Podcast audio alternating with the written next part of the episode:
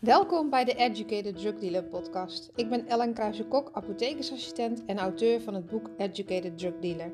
Heb je altijd al eens willen weten hoe het achter de schermen gaat in deze bijzondere wereld? Of wil je misschien weten hoe het is om legaal drugs te dealen?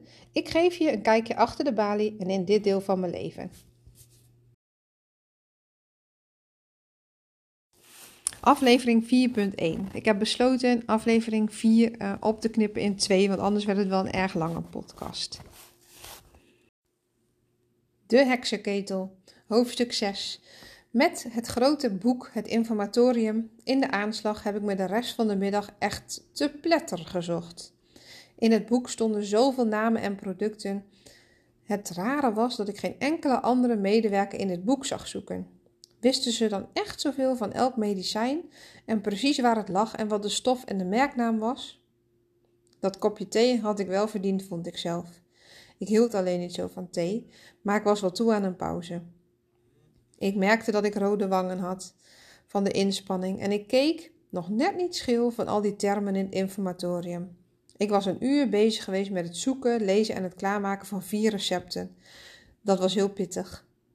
Ik had maar weinig gedaan, vond ik zelf, en dit was totaal anders dan het uitvullen van zalfjes in tuben. Bij elk recept dat ik pakte, had ik meteen nieuwe ideeën en vragen. Om de anderen niet te veel te storen, keek ik zelf steeds eerst hoe ver ik kwam. Ik pakte het informatorium erbij en als het echt niet anders kon, dan stelde ik een vraag. Zoveel nieuwe informatie om te verwerken en dat in een omgeving die net een heksenketel was. Assistentes vlogen van hot naar her. Patiënten kwamen aan de balie met vragen en de telefoon bleef de hele dag gaan. Daartussendoor liep ik me rot te zoeken naar doosjes en probeerde ik af en toe een vraag te stellen. Nu was er gelukkig even tijd voor een pauze. En ik dacht, dat is vast een moment om even wat vragen te kunnen stellen.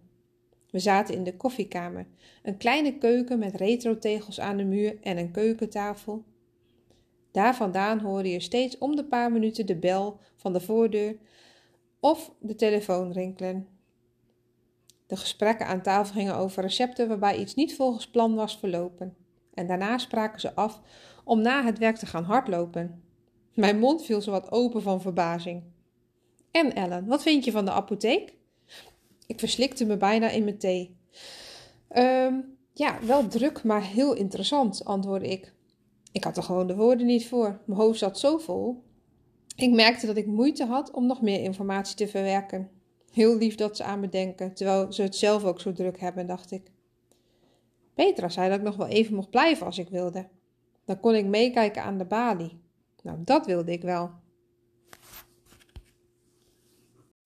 Hoofdstuk 7. De eerste patiënt. De thee was nog maar amper doorgeslikt of daar gingen we weer. Op naar de balie dit keer. Een man met wit haar kwam de lege wachtruimte binnen. Hij was nog niet eens bij de balie en riep: uh, Komt iemand me nog helpen of niet? Petra liep naar voren en wenkte mij om met haar mee te gaan. Ze begroette de man en ze kreeg wat gebrom terug. Ze vroeg hem naar zijn naam en geboortedatum. Ja, Harms, 1938, snauwde hij. Nog meer dan dat het praten was. Ik bekeek hem eens goed en zag dat hij in zijn pyjama stond. Hij had rimpels in zijn gezicht. Hij smeet een grote envelop op de balie. Op dat moment kwam er een vrouw de apotheek binnen met een rollator. Ze liep op meneer Harms af en zei: Pap, neem dat ding nou eens mee en gebruik hem ook. Ik zet even de auto weg. En weg was ze weer. Petra maakte de envelop open. Er zaten grote lijsten in, vol moeilijke namen, die veel weg hadden van de recepten die ik net aan het klaarmaken was. In de computer zocht ze de gegevens van meneer Harms op en vroeg ter controle naar zijn adres. Daarna vergeleek ze de geboortedatum op een scherm met die op de papieren. Ze checkte dit ook nog bij meneer. Een antwoord kreeg ze niet. Meneer Harm, Harms liep inmiddels rood aan en schreeuwde: Ze hebben me in het ziekenhuis de verkeerde medicijnen gegeven. Petra bleef rustig en ze vroeg hem of hij misschien even wilde gaan zitten. Ze benadrukte ook dat ze de tijd wilde nemen om alles goed te controleren. Je zag de spanning bij meneer wegvloeien. Hij haalde rustiger adem en de kleur in zijn gezicht werd ook weer normaal. Meneer Harms ging rustig zitten. Petra controleerde de lijst met gegevens in de computer. Het waren zoveel namen dat ik er zelf geen raad mee had geweten. Petra gelukkig wel. Ze liet me zien dat meneer in het ziekenhuis pantoprazol had gekregen en dat hij normaal gesproken Losec met de stofnaam omeprazol kreeg. Ik schrok daarvan en begon meteen te twijfelen aan de deskundigheid van de mensen in het ziekenhuis waar het recept van afkomstig was. En Petra zag dat en ze legde meteen uit: beide zijn protonpompremmers, oftewel maagzuurremmers. En ze doen allebei hetzelfde. Het zijn broertje en zusje kun je wel zeggen.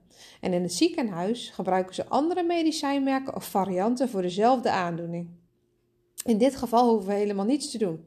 Meneer heeft nog omeprazol in huis. De rest van het recept moeten we wel klaarmaken. Hij krijgt pijnstillers en verband voorgeschreven door de arts. Ik mocht 30 stuks diclofenac retard 75 uit de kast halen. En Petra maakte de recepten klaar. Daarna zocht ze in het magazijn naar de verbandmaterialen die waren voorgeschreven door de arts voor de wond. Meneer Harm stond op toen hij zag dat we naar de balie kwamen met zijn grote recepten, de tabletten en het verband. Zijn dochter stapte net weer binnen en met een opvallend zachte stem vroeg meneer Harms aan mij: Ben je leerling? Ik knikte. Hm, dan heb je nog een hoop te leren met die medicijnen. Wat een vreselijk taaltje. Het is maar goed dat mijn dochter me altijd helpt met dat spul. Petra legde meneer Harms uit en zijn dochter over de maagtabletten, de pijnstillers en het verband. Hij keek me aan en zei: Ik heb precies gehoord hoor, wat je daar straks vertelde. En het ziekenhuis doet alles anders. En dat is niet verkeerd, maar ik was geschrokken omdat ik het niet wist. Ik ken al die namen niet en dat is zo frustrerend. Straks weet jij daar ook alles van, kind. Maagzuurremmers. Maagzuurremmers of maagbeschermers zoals omeprazol, pantoprazol en esomeprazol worden veelvuldig gebruikt door patiënten. Diclofenac. Diclofenac is een ontstekingsremmende pijnstiller die onder de groep NSAID's valt. Waarom ben ik de opleiding gaan doen? Een apotheek, daar had ik een bepaalde voorstelling bij. Ik dacht dan aan een groot statig gebouw met mooie donkere houten kasten. In die kasten stonden mooie witte potten met prachtige letters. Ik dacht aan een apotheker als een echte professor in een witte jas. Mijn verwachtingen hadden nogal een hoog openluchtmuseum gehalte. Tijdens de weekenden ging ik geregeld met mijn ouders naar het Openluchtmuseum in Arnhem, waar ik maar al te graag meedeed aan de workshop drophoesdrankjes maken voor kinderen. Er hing tijdens het maken van die dropdrankjes altijd een heerlijke geur, net als de geur in de Batouwen apotheek in Elschelderland, waar ik vroeger heen ging. Daar werd ook gebruik gemaakt van bijzondere kruiden. Als kind was ik geregeld patiënt. Ik kwam in het ziekenhuis vanwege astma en eczeem en kwam daardoor regelmatig in aanraking met de apotheek. Tijdens mijn basis- en middelbare schooltijd heb ik erg gezocht naar mijn passies. En natuurlijk honderden dingen genoemd die me leuk leken. Dat varieerde van juf tot marinier. En later ben ik trouwens ook nog juf geworden. Na mijn meeloopdag in de apotheek was ik onder de indruk van de dynamiek, de diepgang en het feit dat je iets voor anderen kunt doen. Het was druk, maar het was ook fijn. En meneer Harms heeft een onuitwisbare indruk op mij gemaakt. Hij stond daar in zijn pyjama over de balie te schreeuwen, niet omdat hij boos op ons was, maar gewoon omdat hij bang was en graag goed geholpen wilde worden. Uiteindelijk sprak hij uit dat hij zo blij was met de expertise van de apothekersassistenten. Soms complex. Het werken in de apotheek is een vak apart. De zorg heeft me altijd getrokken. Helaas ben ik bang voor bloed en dan vallen veel beroepen in de gezondheidszorg af. Als ik bloed zie, heb ik het idee dat ik flauw valt. Als apothekersassistente kon ik het werk in de zorg zonder aan het bed te hoeven staan en te verplegen. De communicatieve vaardigheden die ik heb zijn in dit beroep belangrijk voor goed contact met de patiënt. En na de meeloopdag viel alles op zijn plek. Wat ik wil en wat ik kwam. Het kwam bij elkaar. Ik was eruit. Ik word apothekersassistente. Vond je deze podcast leuk? Dan zou ik het heel gaaf vinden als je deze podcast wilt volgen of misschien een review wil geven via de podcaststream waar jij luistert.